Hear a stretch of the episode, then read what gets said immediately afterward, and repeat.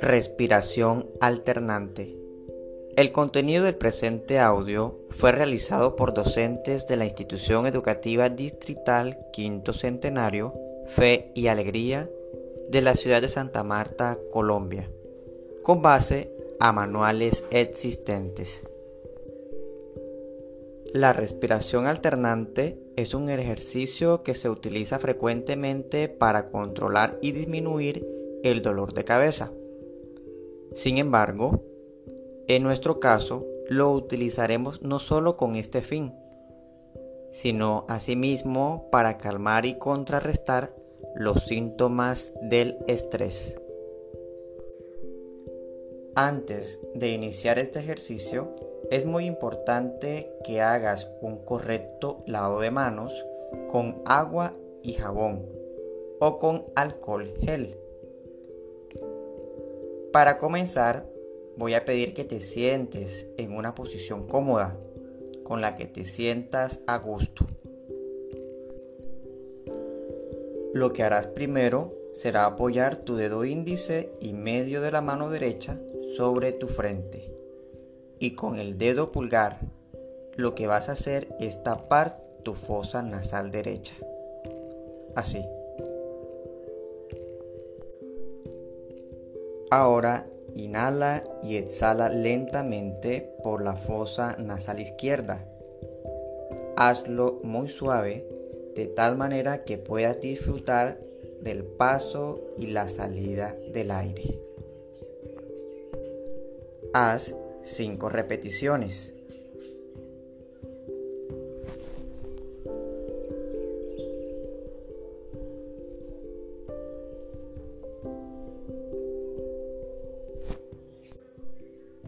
Posteriormente, harás lo mismo, pero tapando la fosa nasal izquierda y respirando por la derecha.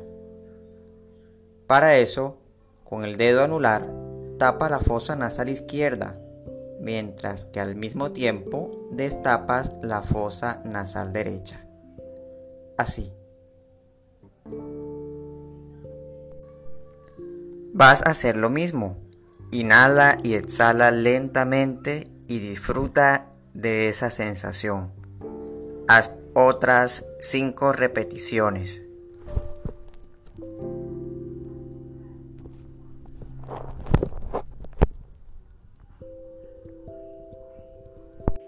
Finalmente pasa a alternar este ciclo. Repetirás primero tapando la fosa nasal derecha y luego la izquierda aumentando a una repetición por cada ciclo, hasta que llegues a hacer de 15 a 20 repeticiones. Al finalizar, haz un correcto lavado de manos con agua y jabón o alcohol en gel.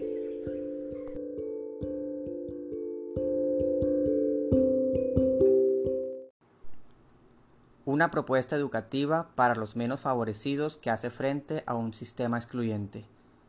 La educación popular es una alternativa de superación, construye colectivamente oportunidades para avanzar a partir de las realidades que vivimos, es el compromiso de la lucha, la indignación ante la injusticia y la apuesta a la educación como una herramienta fundamental de la transformación cultural. Según de la Riva, en el año 1991, la educación popular consiste en contribuir a la construcción de una sociedad sustantivamente democrática en la que la capacidad y la posibilidad de actuar sobre y participar en la orientación de los cambios sociales y en la toma de decisiones no sea, como señala Paulo Freire, algo objetivo, formal, sino un elemento sustantivo en el que todos los hombres y todas las mujeres, todos los pueblos puedan alcanzar el máximo grado posible de desarrollo humano y puedan contribuir en condiciones de igualdad a la construcción de un mundo mejor, más solidario, más cooperativo, en una mejor y mayor armonía con la naturaleza. Fe y Alegría es un movimiento internacional de educación popular y promoción social que impulsa desde, con y para las comunidades en las que trabaja procesos educativos integrales, inclusivos de calidad, comprometiéndose en la transformación de las personas para construir sistemas sociales justos y democráticos. Por ende, estos procesos pedagógicos no se limitan a acumular conocimientos, Los educandos, a través de su formación académica y espiritual, crecen y maduran como personas, lo que implica que los estudiantes reflexionan, analizan y comprenden su propia realidad y trayectoria de vida, generando con ello una manera crítica de asumir su entorno. Como entes participantes del movimiento popular, se propone un modelo pedagógico consecuente con el contexto social, basado en una estructura escolar organizada, un método pedagógico jesuita cuyas enseñanzas y contenidos educativos tienen un impacto social positivo. Hace propicio el movimiento espiritual con estrategias innovadoras que facilitan los aprendizajes para el desarrollo intelectual, espiritual y moral del alumno.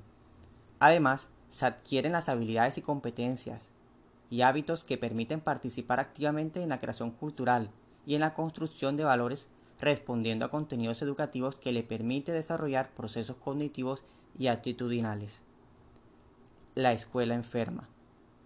No obstante, la actual emergencia sanitaria en la que se encuentra inmerso el país, el traslado de la escuela a la virtualidad ha hecho más evidente la brecha existente entre las distintas clases sociales y la inequidad en que viven nuestros estudiantes. Quintero y Solano en el año 2020 en el periódico digital El Tiempo, exponen el análisis realizado desde la Universidad Javeriana en la que sustentan cómo es la adaptación, dotación de aparatos y medios tecnológicos que el país hace frente a la pandemia. El estudio cita, según un reciente estudio del Laboratorio de Economía de la Educación de la Pontificia Universidad Javeriana, el 68% de los estudiantes de colegios públicos de la capital del país reportan tener, tener internet y computador, lo que haría más viable impartir una educación virtual o remota. No hay garantías de que ese 68% esté localizado o distribuido de manera homogénea. Podríamos encontrar colegios o grados escolares del sector público donde algunos estudiantes se tienen acceso y otros no, afirma Luz Karime Abadía, codirectora de la universidad. Si la mirada en Bogotá es compleja, al levantarla hacia el resto de Colombia, la perspectiva es aún más preocupante. El estudio de la universidad analiza los datos arrojados por las pruebas de estado aplicadas a diferentes estudiantes de los grados quinto, noveno y once. Señala que el 96% de los municipios del país tendría dificultades implementando clases virtuales, pues menos de la mitad de los estudiantes de quinto y de 11 grado tiene computador e internet en su hogar. Esta realidad que emerge en medio de la virtualidad es un espejo, y se atrevería a decir un espejo empañado de lo que viven nuestros estudiantes en el contexto de fe y alegría. Ya por pertenecer a este movimiento educativo los estudiantes tienen en sí las condiciones desiguales, ya que a este es el foco de atención de fe y alegría la población vulnerable y excluida del país como dicta en su filosofía. Ahora con el nuevo ingrediente, emergencia sanitaria por la pandemia COVID-19, el espejo se empaña al hacer esa realidad que vive el país borrosa ante las condiciones que ya presentaban nuestros estudiantes. La desigualdad y las faltas de oportunidades siguen siendo el pan de cada día tales como la falta de garantías en cuanto al derecho a la educación basada en una real inclusión educativa. No todos tienen acceso a la educación de calidad con igualdad de oportunidades, así lo sostiene Macías, al mencionar que la inclusión educativa debe garantizar la igualdad de oportunidades mediante la participación de los estudiantes que independientemente de sus condiciones reciban una educación centrada en la persona, en valores como la solidaridad y la cooperación.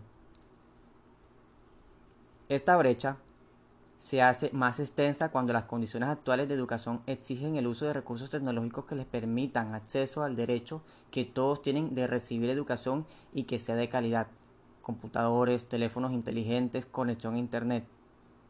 Sumémosle a esto los espacios físicos en los que cuentan para realizar las clases muchos reducidos y compartidos con hermanos, y otras labores del hogar. La realidad de muchos, o la mayoría de nuestros estudiantes, es que todos los artefactos tecnológicos son insuficientes o nulos para la realización de actividades de por lo menos uno de los integrantes de la familia pertenecientes al contexto escolar. un solo teléfono para dos, tres o cuatro hermanos de diferentes grados, sin conexión a una red fija o constante de Internet e inestable por intentar solucionar el problema con planes de datos temporales y espacios donde se confunde la actividad de clase con la laboral y la labor del hogar que se realiza en estos espacios. Ni hablar de la interrupción de actividades académicas por la realización de labores domésticas, porque si no lo hace, no desayunan o almuerzan en casa, caso que es más frecuente entre el género femenino. La escuela también enfermó al llegar la pandemia. Enfermos, pero no en coma. Por lo anterior, Fe y Alegría plantea que la educación debe darse desde la organización comunitaria, promoviendo la igualdad y la equidad en beneficio de todas esas personas excluidas y vulneradas en el ámbito educativo. Es importante que todos los niños participen equitativamente sin vulnerar sus derechos. De esta manera se genere una transformación a partir de la acción. En el caso de la escuela, la educación se implementa desde la acción participativa, lo que permite comprender el propósito de mejorar el futuro de los niños y generar un proceso de autorreflexión centrada en dicha práctica pedagógica. Frente al nuevo reto que enfrentamos por la emergencia sanitaria y el traslado de la escuela a las casas, la labor pedagógica que realiza el docente, apoyada del centro, en general ha sido fundamental para que la educación impacte no solo en el miembro de la familia o estudiante, sino en toda ella. La reorganización del centro, pensando en las distintas y nuevas necesidades que se sumaron a las condiciones que ya presentaban nuestros estudiantes, ha permitido que la familia se eduque y participe más activamente en las actividades escolares de sus hijos y las que promueve la institución educativa.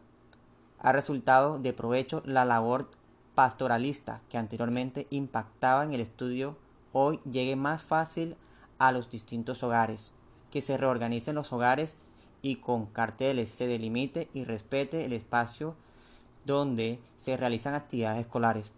Hace parte de la formación y creación de estilos de vida saludables y vida digna, que se impulsa desde ambientes como CCRP, que estudiantes con procesos educativos pocos asumidos en la vida presencial de la escuela puedan hoy, con la ayuda de los padres, tener procesos asumidos desde ambientes como Cualificar y PIC.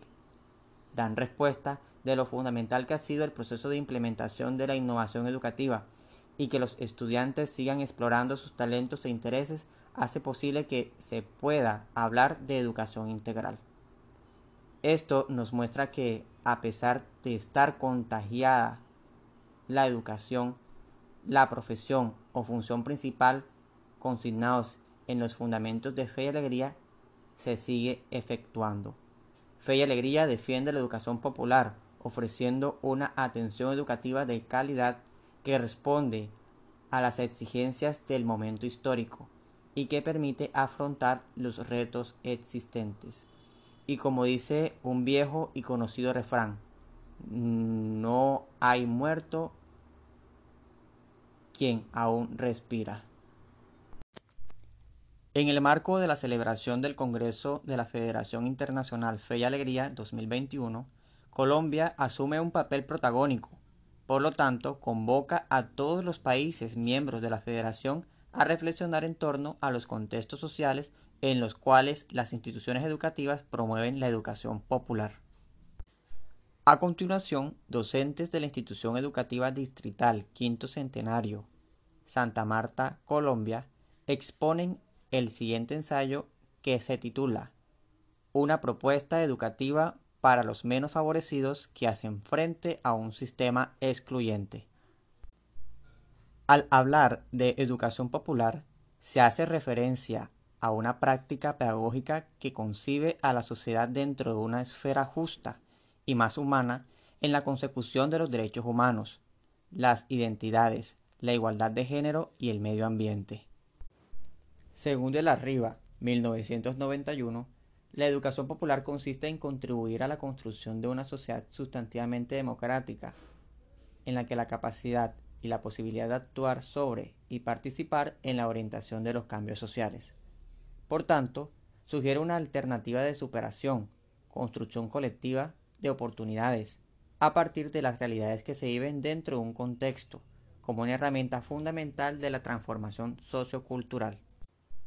Por consiguiente, Fe y Alegría es un movimiento internacional de educación popular y promoción social que impulsa desde, con y para las comunidades en las que trabaja procesos educativos integrales e inclusivos de calidad para construir sistemas sociales justos y democráticos. Estos procesos pedagógicos no se limitan a acumular conocimientos. Los educandos, a través de su formación académica y espiritual, crecen y maduran como personas, generando con ello una manera crítica de asumir su entorno. Como actores activos del movimiento popular, la escuela propone un modelo pedagógico consecuente con el contexto social, basado en una estructura escolar organizada, un método pedagógico jesuita cuyas enseñanzas y contenidos educativos tienen un impacto social positivo. Hace propicio el movimiento espiritual con estrategias innovadoras que facilitan los aprendizajes para el desarrollo intelectual, espiritual y moral del alumno. Además, se adquieren las habilidades competencias y hábitos que permiten participar activamente en la creación cultural y en la construcción de valores, respondiendo a contenidos educativos que permiten desarrollar procesos cognitivos y actitudinales. No obstante, la actual emergencia sanitaria en la que se encuentra inmerso el país y el traslado de la escuela a la virtualidad ha hecho más evidente una brecha existente entre las distintas clases sociales y la inequidad que viven los estudiantes.